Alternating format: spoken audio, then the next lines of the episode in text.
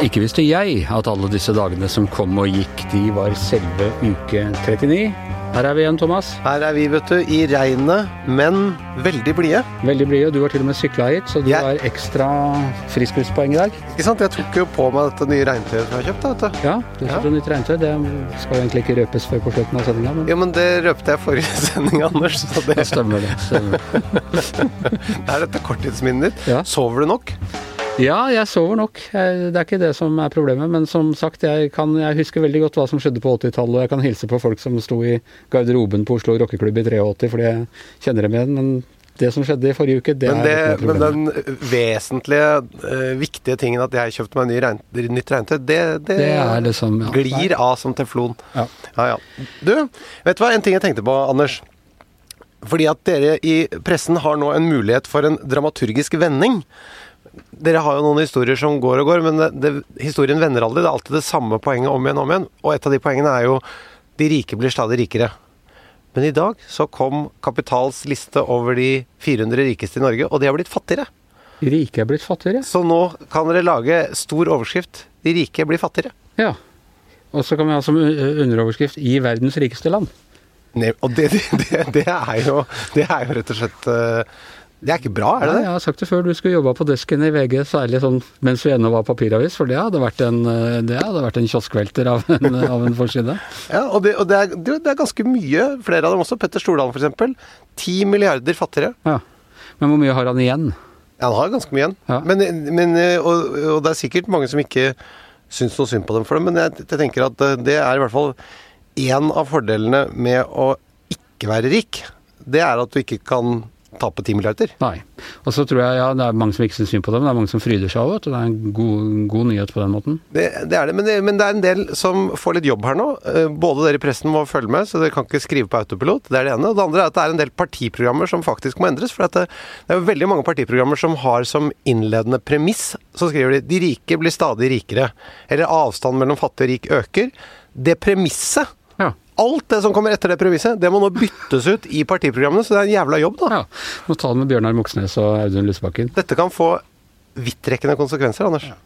Det skal trykkes nye partiprogrammer, det skal trykkes nye løpesedler. Man må se ja, kapitalen av Marx må skrives om. Det, er, eh, det blir, eh, det blir et, eh, et paradigmeskifte, rett og slett. Ja, og dette er ikke min jobb å, å, å rydde opp i, jeg bare påpeker Du er en Martin Luther her som reformerer både journalistikken og politikken, og nå må du bare banke disse tesene opp. Jeg bare ønsker å si fra. Ja, det er bra. Det er det vi pleier å si, og vi bare stiller spørsmålet. Du, vi har en, en eh, gjest i dag som jeg gleder meg til å snakke med. Du, det eh, gleder jeg meg veldig til. Jeg leser mye av det hun skriver på Facebook, Ja. og eh, må si er, eh, Du vet jo, jeg liker ingenting på Facebook, men det er veldig ofte at er jeg har lyst til mann på Facebook. At jeg inni meg setter en tommel. En, en, eh, en imaginær eh, tommel opp. Altså, hun mange måter, som deg og meg, tilhører skravleklassen, men i motsetning til deg og meg og de andre i denne klassen, så har hun en ganske solid bakgrunn for å mene om saker og ting. Hun, hun kan mene noe om det meste, hun, Ja, den bakgrunnen. veldig mye. Altså, for det første har hun vært journalist. Det gir jo carte blanche til å mene om det meste. Jurist. Eh, politifullmektig. Politiker. Statsråd. Og forfatter.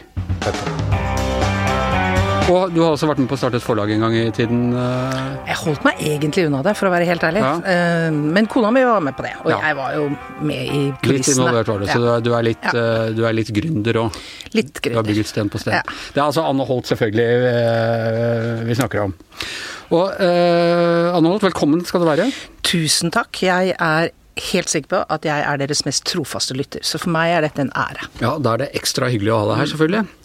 Og eh, i den siste romanen din, som er eh, mer en thriller enn en kriminalroman, egentlig, så skriver du om masse ting som særlig jeg eh, er, har vært veldig opptatt av. Eh, sosiale medier, eh, hybride trusler, fake news, koko-høyre, koko-venstre, sikkerhetspolitikk og den dype staten.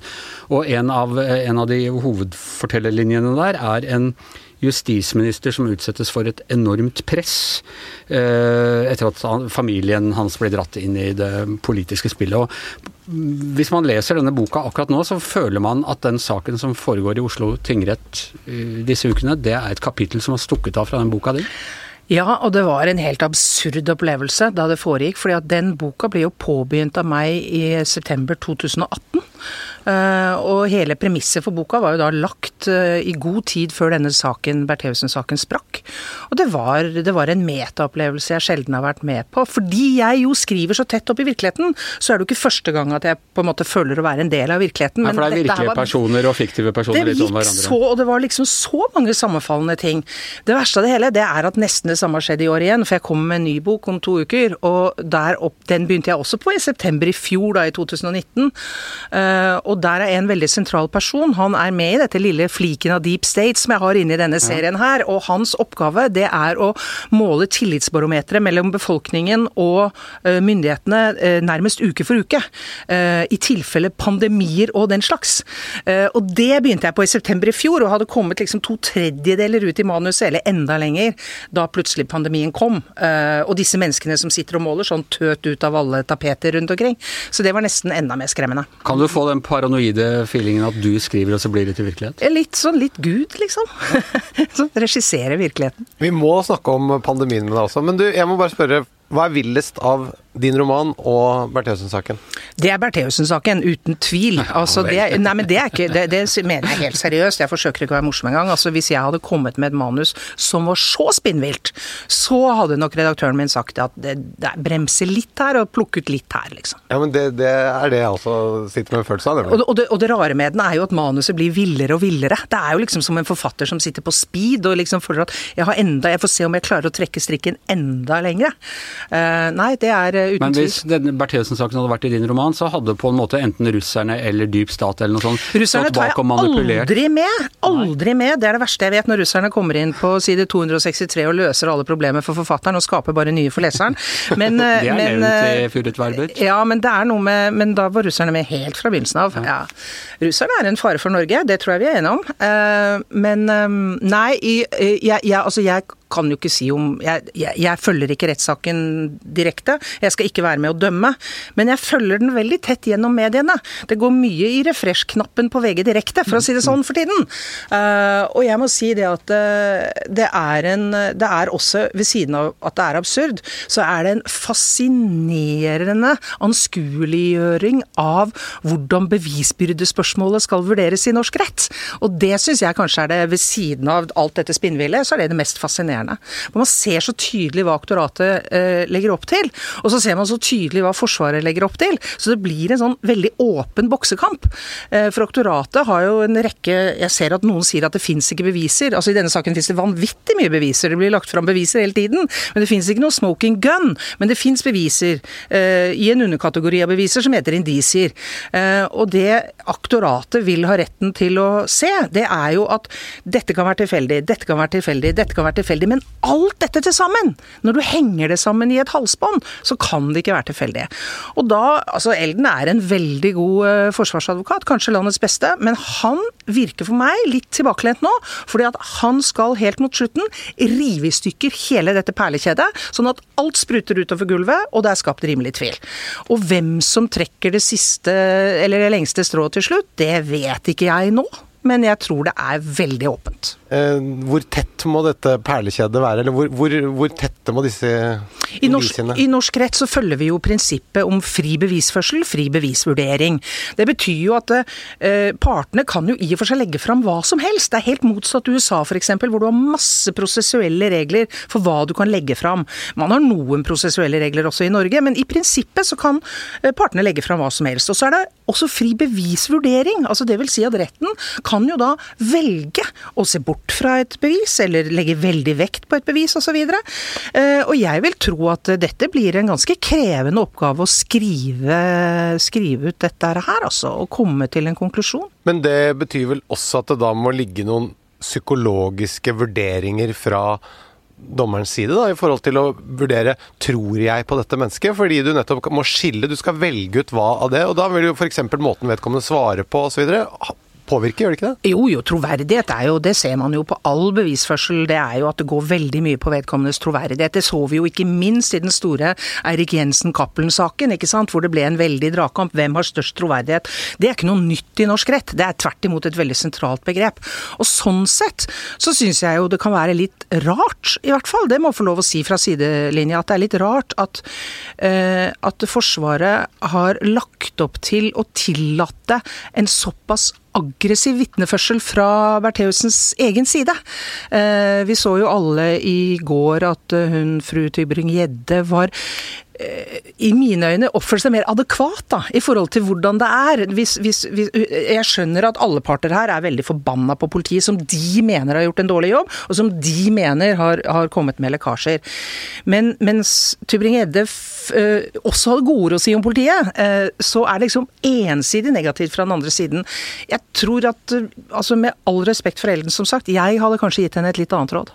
Men tror du, er det nødvendigvis at man kan klare å styre det? da? Det er jo en personlighetstype i Man må prøve å styre seg når man er tiltalt i en så alvorlig sak. Og det er klart at når man har med ressurssterke personer å gjøre, som man jo faktisk ofte har i straffesaker, så ville nok jeg som forsvarer Nå er ikke det så vanlig i Norge som det er i f.eks. USA, da, men jeg ville nok snakka litt med tiltalte først, hvis jeg hadde vært forsvarsadvokat. Det har nok helt sikkert Elden gjort også, altså. Jeg skal ikke legge meg opp i det. Hvor du ser at forsvareren ikke er helt fornøyd med hvordan tiltalte Ja, og derfor så skulle jeg veldig gjerne ha vært der, virkelig. For å se de ansiktsuttrykkene må være veldig verdifullt. Og det er jo derfor det er så verdifullt med rettskommentatorer. Det er noe av det viktigste vi har. Fordi at de er øyenvitnene våre. Ja, jeg er for øvrig helt enig med deg når det gjelder de tegningene. De er helt forferdelige. Vi vet jo ikke hvordan hun ser ut, men la nå det ligge. Jeg tenker bare mer på at dette med at, at uh, du skal jo fremstå som en troverdig person. Og hvis du skal fremstå som en troverdig person, så skal du også fremstå som en balansert person. Men jeg må spørre om en annen ting som jeg tenker at du har uh, bedre bakgrunn enn de fleste til å svare på. Det er altså, Da ryktene begynte å gå om at hun kanskje sto bak selv, gikk jo her i avisredaksjonen og sånne ting. En av grunnene til at jeg trodde at det ikke kunne stemme, som talte mot det, var at Erna var, Solberg var ute dagen før, eller noe sånt. Mm. Mm. Og liksom gikk ut mot dette her, denne stakkars teatergruppa. Mm. Og da tenkte jeg, hvis hun står bak, så må jo statsministerens kontor ha blitt varslet. Så viste det seg altså at uh, politiet mente hun sto bak, og så tenkte jeg vel, da har man ikke varslet uh, statsministerens kontor. Men så sier jo Ingvild Smines Tybring-Gjedde at hun gikk tjenestevei da hun fikk mistanke, mm. og meldte fra oppover. Mm. hva tror du, hva, hva har skjedd? Nei, jeg har reagert på akkurat det samme. fordi at jeg tror at Erna Solberg er en altfor dreven politiker til å lyve i en sånn situasjon. Jeg tror helt sikkert at hun snakker sant, og at hun genuint ikke visste dette på det tidspunktet hun ble intervjuet. Og da, hvis vi også skal legge til grunn at Tybring-Gjedde snakker sant, at hun har varslet departementsråden om dette, hvis det også er sant, nå blir det mange visser her, mm. men hvis det også er sant, så har det jo ikke skjedd en kommunikasjon mellom departementsråden og statsministerens kontor. Det er jeg forbauset over. Det, men jeg, det høres veldig spesielt ut, men det kan også hende. La oss ikke liksom uh, jump uh, to conclusions her, for det, det kan hende at departementsråden f.eks. fant det riktigst å henvende seg til PST. Og det gjenstår jo å se, for det kan jo hende at departementsråden har gjort. At departementsråden fant ut at ah, Kilens situasjon, vi har knapt vært oppi noe lignende tidligere. Eh, kanskje jeg skal varsle PST først. Og det er jo snakk om et ganske lite tidsrom her. Det er jo bare snakk om noen dager.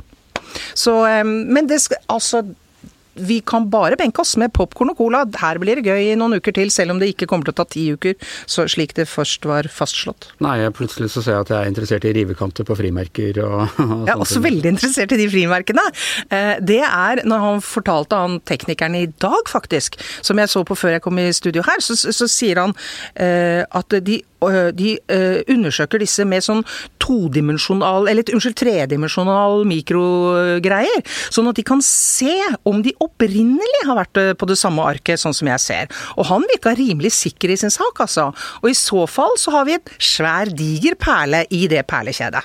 Nemlig. Det, ja, og hvor mange bruker i det hele tatt frimerker lenger? Jeg, jeg, trengte noe til et eller annet her. Bruker til jul! Ja, ja det må eventuelt være, eventuelt være da. Ja, og trusselbrev. Julebrev og trusselbrev. Julebrev og trusselbrev. Nei, men Det sto jo også i din avis hvor mange frimerker som selges i Norge, og det var vel 650 000 eller noe sånt noe frimerker ja, i året, så det er veldig mange, da. Men det er litt sånn som papiraviser. De brukes omtrent bare nå til, eh, til eh, å klippe ut uh, trusselbrev. Og, og selv, selv, i denne saken, hvis alt det de legger fram stemmer, så er jo da så har man jo ikke engang hatt en papiravis å klippe ut av. Man har tatt ut print. Nei, men akkurat det er litt interessant, fordi at man har funnet papiravisa der. Mm. Men utklippene, de er tatt fra printeren. Ja. Å, de perlene. De er veldig ja, interessante, altså. Det skal bli gøy å se om de holder. Men Anne, du sa at eh, nettopp at det er helt åpent her. Mm. Det på den ene siden. På den andre siden så vil det jo være, som mange har påpekt, helt sånn skandaløst hvis eh, hun nå blir frikjent. Også med tanke på at det førte til at en justisminister måtte gå. Ja, det er helt altså det er nesten PST kaster en Det er nesten ikke til å tenke på, men det er, det er sånn Hjernen slår litt knute på seg i dette. Og så har du én forvanskende faktor til, og det er jo at Tybring-Gjedde, fru Tybring-Gjedde, har jo reist et erstatningskrav i denne saken. Og i erstatningskrav så er det helt andre beviskrav. Så for at hun skal få denne symbolske summen på 5000 kroner, så behøver retten bare funnet det mer sannsynlig at hun har gjort det, enn ikke gjort det. Da er det bare over 50 Da er det bare 50% Mens for å finne henne skyldig, så må de være tett oppunder 100% Der må de være, altså det, det, krangler man om, men det skal være hinsides rimelig tvil, ikke sant. Mens, mens, det vi kan Altså, vi vet jo ikke hva, hva, dommen blir, men vi kan oppleve at hun blir frifunnet i straffesaken, men hun blir dømt til å betale fru Tybring-Gjedde 5000 kroner, som skal gå til Leger uten grenser eller et eller annet sånt noe. Eh, og dermed så får du jo en helt merkelig situasjon hvor PST har sørget for at en justisminister måtte gå fra jobben pga. et erstatningskrav på 5000 kroner. Som kanskje er, gjør at dama er skyldig, men ikke skyldig til fengselsstraff. Det blir rart. Men, men det betyr egentlig, bare for, unnskyld, ja, ja. for at vi oppsummerer helt tydelig her, så betyr jo egentlig det at det er ikke sånn sett noe galt som har skjedd selv om det vil være oppsiktsvekkende, så betyr det egentlig at systemet vårt fungerer, da, selv om hun blir frikjent? Det er altså Som en filosofisk øvelse, og som en politisk øvelse, så er det vanvittig å tenke på, hvis hun blir frifunnet, hva som da egentlig har skjedd. Men rent juridisk sett så er jo alltid sin skjønneste orden. PST har en plikt til å forfølge straffesaker hvis de er overbevist om tiltaltes skyld. Eh, og her er de overbevist om tiltaltes skyld, og da reiser de tiltale på vanlig måte. De har etterforsket saken på en ganske grundig måte, ser det ut til for meg. Eh, og så får vi se hva domstolene sier. Sånn er systemet. Men kan man da tenke seg at eh, man ettergår PSTs vurderinger for å se om de var kvalitativt gode nok? Det vet jeg ikke. Det, det vil jeg nesten ikke tro. Altså, det kan godt hende at det finnes noen sånne systemer, men det kjenner jeg ikke til. Men jeg har foreløpig kan jeg, kan jeg ikke se at PST har gjort noe galt der. Vi må snakke om i hvert fall én eh, ting til. Altså Dere to, nå sitter jeg i, i rommet med de to som først begynte å advare meg om koronaen. Fordi fra tid til annen så er det en eller annen influensavaksine, nei, influensa på gang nede i Asia, som vi gjerne jazzer litt opp her i VG, og så pleier jeg å ta det ganske med ro. Men dere to, jeg, jeg er nesten usikker på hvem som var først, men det var omtrent samtidig, tror jeg, at uh, at dere begynte å snakke om at dette her eh, var farlige greier. Og Hva var det som fikk deg til å føle Jeg ble bekymra allerede i januar. For da så jeg på sendingene hva som skjedde borte i Wuhan og Kina og sånn, og tenkte Og jeg satt og sa det hjemme foran TV-en at det der kan fort komme hit. Og den 3. mars, altså det er jo da 11-10 dager før eh, nedstengingen, så sa jeg til kona dette her kommer til å bli vanvittig svært. Jeg må dra til Larvik, jeg må være tilgjengelig for mine gamle sykeforeldre. foreldre. jeg aner ikke når jeg kommer kommer tilbake. Og jeg så for meg da at jeg kom til å være i Larvik i isolat fram til sommeren. Uh, nå gikk det jo ikke sånn, da, heldigvis, men uh, jeg hører vel med blant de ja, jeg vil anslå det til halvannen prosent mest uh, engstelige i Norge for dette, hvilket min atferd har båret preg av. Men det, det, som jeg også syns var rart, var at det var Én ting var at politikerne ikke reagerte, og pressen osv., men, men også markedet. Altså, børsen gikk jo helt som normalt frem til den nedstengingsdagen. Da raste det. Og jeg syns det også er et sånn interessant aspekt. Det viser at det var veldig mange som, som ikke trodde at dette eh, Vi var ikke redde nok. Hva? Vi var ikke redde nok. Nei. Nei. Men er vi redde nok nå? Er dere fornøyd med rettshjelpsnivået? Nei, jeg er ikke det. Nei? Jeg syns, øh, jeg syns det som skjer i Oslo er bekymringsfullt, og jeg er jo som tydelig at dere kikker innom mine Facebook-sider av og til. Min sånn er kjepphest akkurat nå er videregående skoler i Oslo. Det er helt, jeg syns det er helt vanvittig at vi får en brølende Raymond Johansen på TV, virkelig, og jeg syns det er veldig bra. Jeg syns han skal snakke med skikkelig utestemme når han sier 'bruk munnbind, bruk munnbind', og så pøser liksom 1400 elever inn i sånne små kuber av noen videregående skoler, som først har kjørt tett i tett i tett i kollektivtransport, for, på de videregående skolene så kommer folk fra hele byen, eh, og så går de der rundt der og defineres som kohorter. Altså, De som er i samme klasserom, er det definert som kohorter. Det betyr jo at min kohort da er utvidet med ca. 100 andre, for det på videregående skole så er det jo ikke én klasse, du har jo tre klasser, eller i minst tre klasser, for du har valgfag. Så ja, pluss at da er deres eh, familier også, så det og deres familier igjen. Så kohorten min er på 16 000 mennesker, og det liker jeg ikke. Det liker jeg rett og slett ikke. Nei, jeg liker heller ikke den uh, storkohorten uh, som, som jeg også har blitt en del av gjennom å ha barn på skolen. Ja. Også, fordi, også fordi der er det jo uh, mye mer uh, skjult Slack. Ja, det er slack, Slack. Og, det er, og det er skjult, uh, skjult smittespredning i mye større grad, så du vet ikke heller.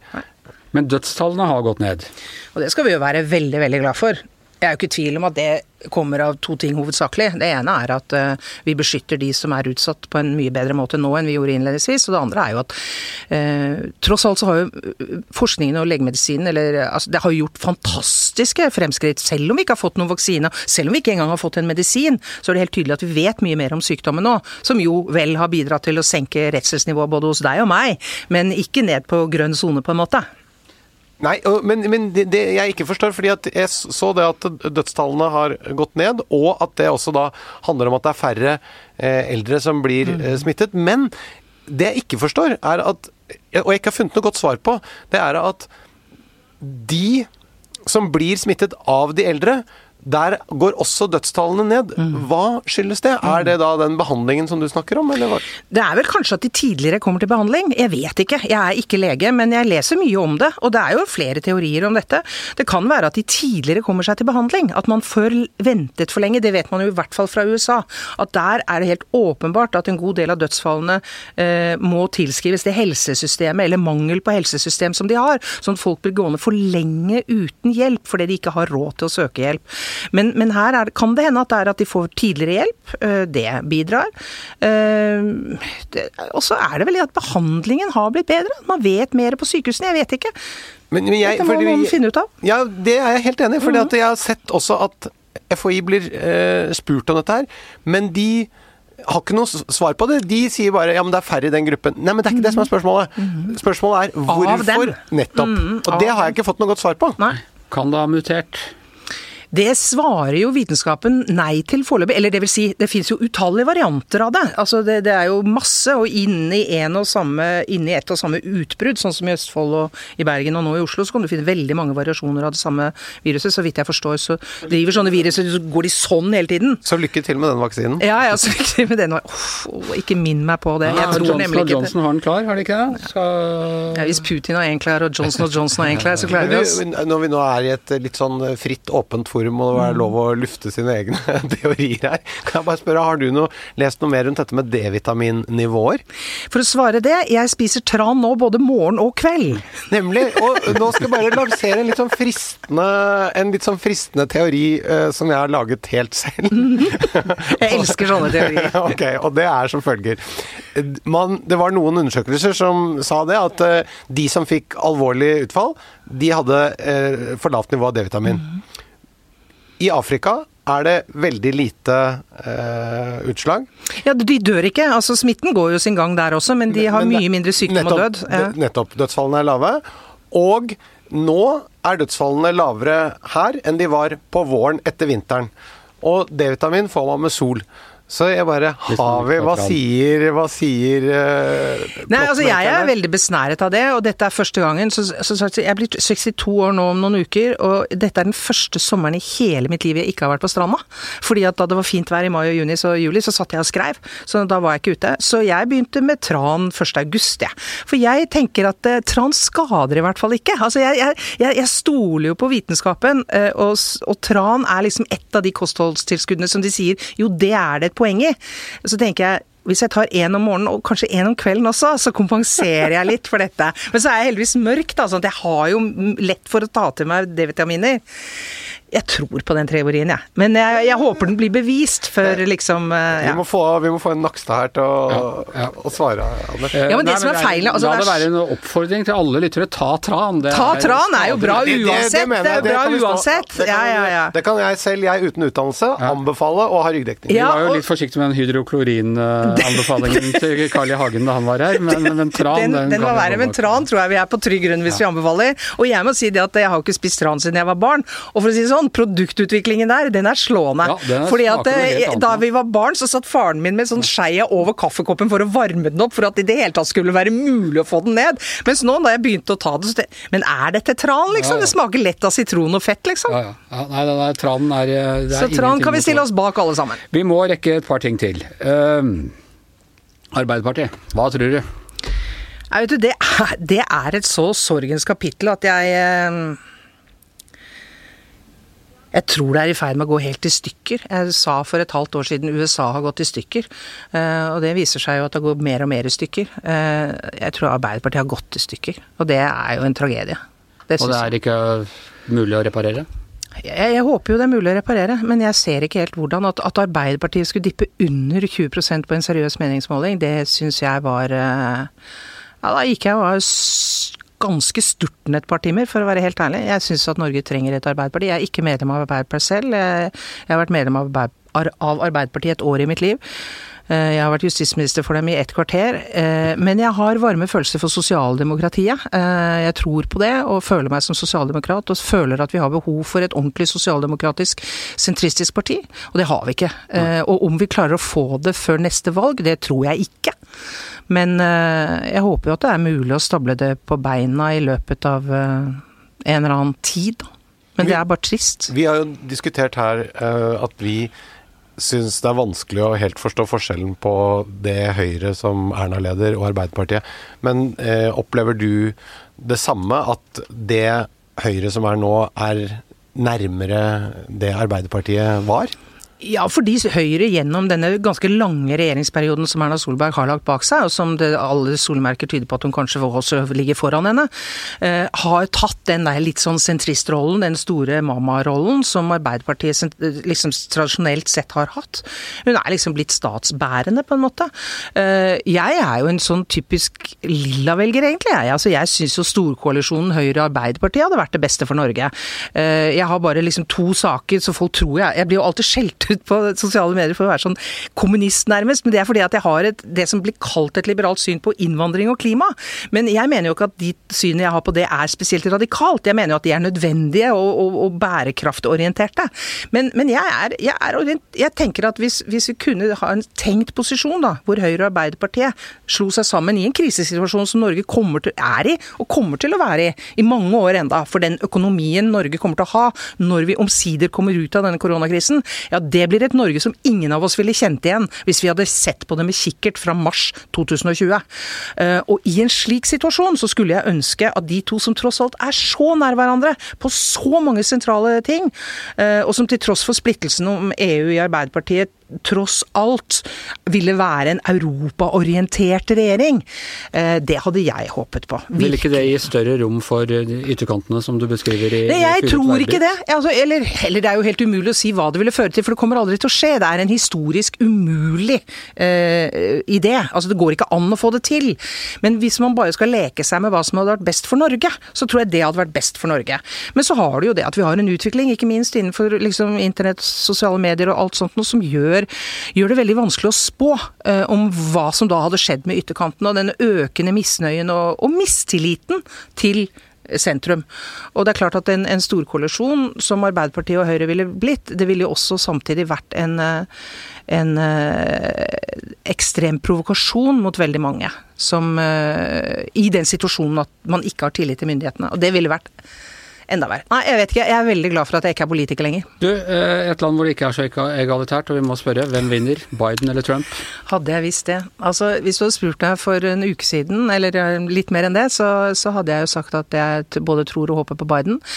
Men etter alt dette som eh, har skjedd med, skjedd med kjære Ruth, og det som kommer til å skje med utnevning av ny høyesterettsdommer, så det er mange, eh, også i din avis, som har spekulert at dette var den der game changeren som han trengte. Og da Mitt Romney faktisk gikk ut og sa at han også støtter at de skal foreta en sånn lynutnevning eh, som det Trump legger opp til, så da datt det litt ned i magen på meg. Og Men det, det må forklare meg hvorfor, hvor, hva, hva påvirker det, hvorfor påvirker det Da blir mange konservative velgere minnet på hva de får igjen for å ha holdt ut med Trump i disse da får de noe. Ja. Da får de noe, og da, da, liksom, har, da, da får de noe ordentlig. For da kan det hende at uh, abortloven eh, ryker. Det kan hende, eller ikke, det er jo ikke en abortlov, men muligheten til å ha adgang til abort ryker. Og det kan hende at et par veldig, veldig viktige verdispørsmål kan bli avgjort i den konservative retning. Og det er noe for noe. Ok, vi holder ut med idioten, men dette er det vi får. Og altså, Ginsberg satt jo da i eh, godt over 30 år. Ja, godt over 30 år. Eh, så de og de Og hun var over 50 da hun tiltrådte. ja, Og de Eh, jentene de vurderer nå, de kan sitte i 40. 40-årene. Ja, ja, de er i 40-årene. Så det, er en, det, er, det varer lenger enn Trump. Mm. Sånn. Men bør ikke da Trump egentlig ikke gjøre den utnevnelsen nå, men bare holde den varm fremover? Thomas, du skulle egentlig analysert amerikansk politikk, for dette, dette, Dette tror jeg er også det tror jeg er litt morsomt. eh, undervurdert. Ja. nemlig. Altså For det første at det er en god del velgere, eh, også på den andre siden, som blir vitalisert av dette, her, for de ønsker ikke å miste rettighetene til abort. Så det kan uh, få en del ned fra gjerdet der. Og for det andre så ville det tenker jeg også at hvis Trump dingler den for de konservative Dere er nødt til å stemme på meg hvis dere vil ha den eh, Det syns jeg nesten er litt rart at han ikke gjør. Ja, Veldig rart. Og, men, og jeg tenker, er det, ser vi nå en kollaps i hele valgkampsystemet hans? Altså Er det sånn at han nå bare satser på de rallyene hvor han står og brøler som en ape? Eh, Fordi at Jeg hadde jo gitt akkurat det samme rådet. Jeg ville sagt, nå skal du, det, er ikke, det er ikke før 3. november. Det er i perioden mellom 3. november og 21. januar. Det er den perioden. Det er der du skal lokke med at dette går. Så det du skal gjøre nå, det er at du om en uke eller to, så skal du kaste fram navnet for nominasjon. Og så kommer ikke Senatet til å klare å liksom, gjøre det på tre dager. Det kommer de ikke til å gjøre. Og så få dette pressa over tredje, for da kan du få stemmene av det.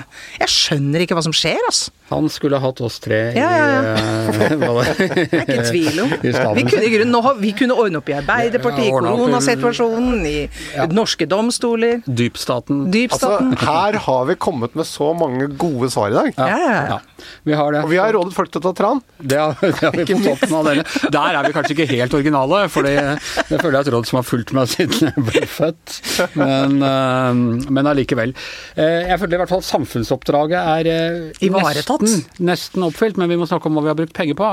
Vi spør alle som er gjester her om hva de har brukt penger på siste tiden, som ikke er tannpasta og tran og sånn.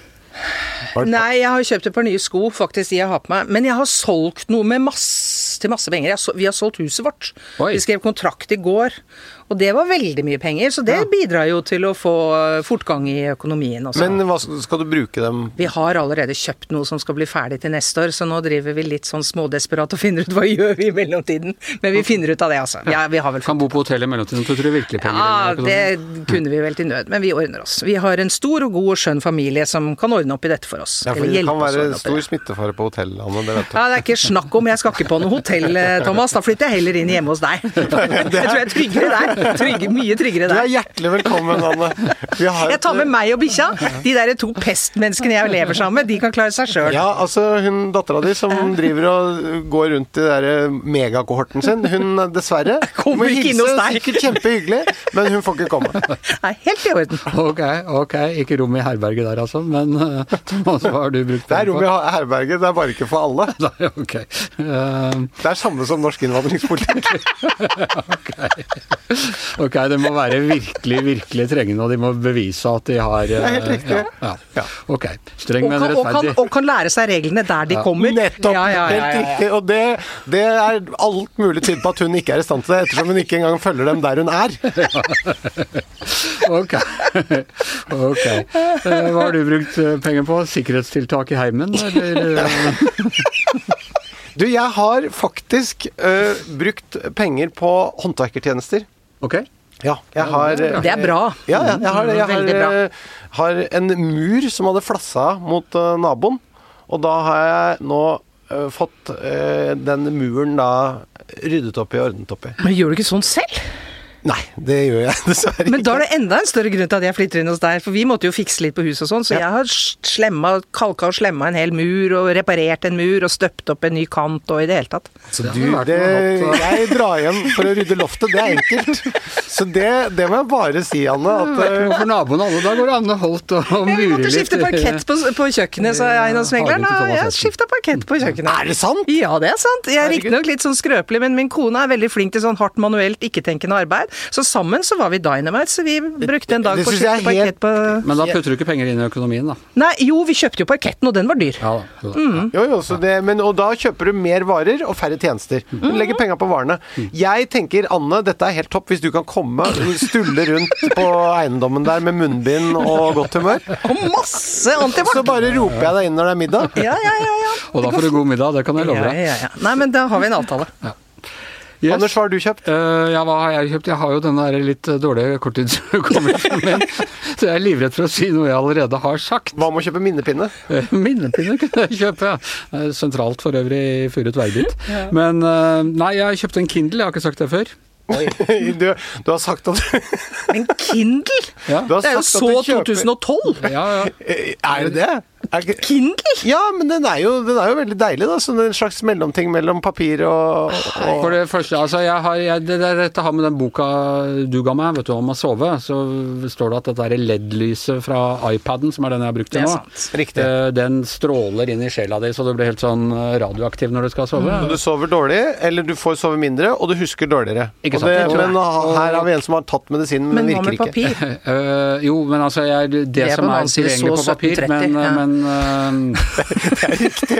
Og jeg må Unnskyld, nå blir det veldig rotete her. Beklager, kjære lytter, men her, eh, her flyter energien altså så godt nå at uh, vi må bare eh, se og, og, og bære over med det. Men er det ikke, Anne, er det ikke Er du mot Kindle? Nei, jeg bare syns det er helt umulig å lese noe elektronisk i det hele tatt. Jeg leser bare på papir, jeg. Men hvis du skal reise, da er jo Kindle Istedenfor må du ha Kjempefint for dem som kan lese på det. Eh, Jeg kan ikke det, så jeg har en koffert med bøker med meg når vi drar på ferie. Og du har det, Ja, ja, ja. Og Ta veldig deilig sånn når man venter på Woodwards nye bok, og så våkner man tirsdag morgen, pling, og da er Det liksom- skjønner jeg. Med sånne bøker så skjønner jeg det. Men ikke med vanlige romaner. Det er å le lese. Men, men på den annen side, hvem pokker leser lenger? Det er jo ikke så mye. Jo, forresten, i koronatidene så har det gått veldig oppover med Ja. lesingen. Ja. Det er veldig bra. For de fleste har jo runda Netflix. Det gjorde vi jo allerede i april. Så Jo, men det var jo det. Ja, og du bruker lengre tid på å runde Kindle. Ja, sånn. det er helt riktig. Det er mye mer der. Men ikke norske bøker på Kindle. Der kan du bare melde til kona di Ja. at eh, kan du ikke bare gjøre de bøkene tilgjengelig? Hva er grunnen til at det ikke Det er noe egne sånn du kan ja, Det er noe med- PDF og noe ja. Men, Ja, det er en veldig kronglete vei, Ja. men kan vi ikke bare det, Teknologien er der, alt er der, kan vi ikke bare ordne opp i det? Vi, Det er vi ville gjort det. Siste råd fra. Siste råd fra de vises råd her i podkaststudio, som da har løst hvordan Trump kan bli gjenvalgt, og hvordan vi blir kvitt koronaen, og, og ja, vi har dog ikke berørt skyldspørsmålet i den pågående rettssaken. Det har vi ikke. Eh, Men vi er over for denne gangen. Tusen hjertelig takk til Anne Holt. Tusen takk for at jeg fikk komme. Takk til eh, Thomas Giertsen. Jeg heter Anders Giæver, og mannen som eh, i sviktende grad er vår felles hukommelse, produsent Magne Antonsen. Vi høres igjen på mandag.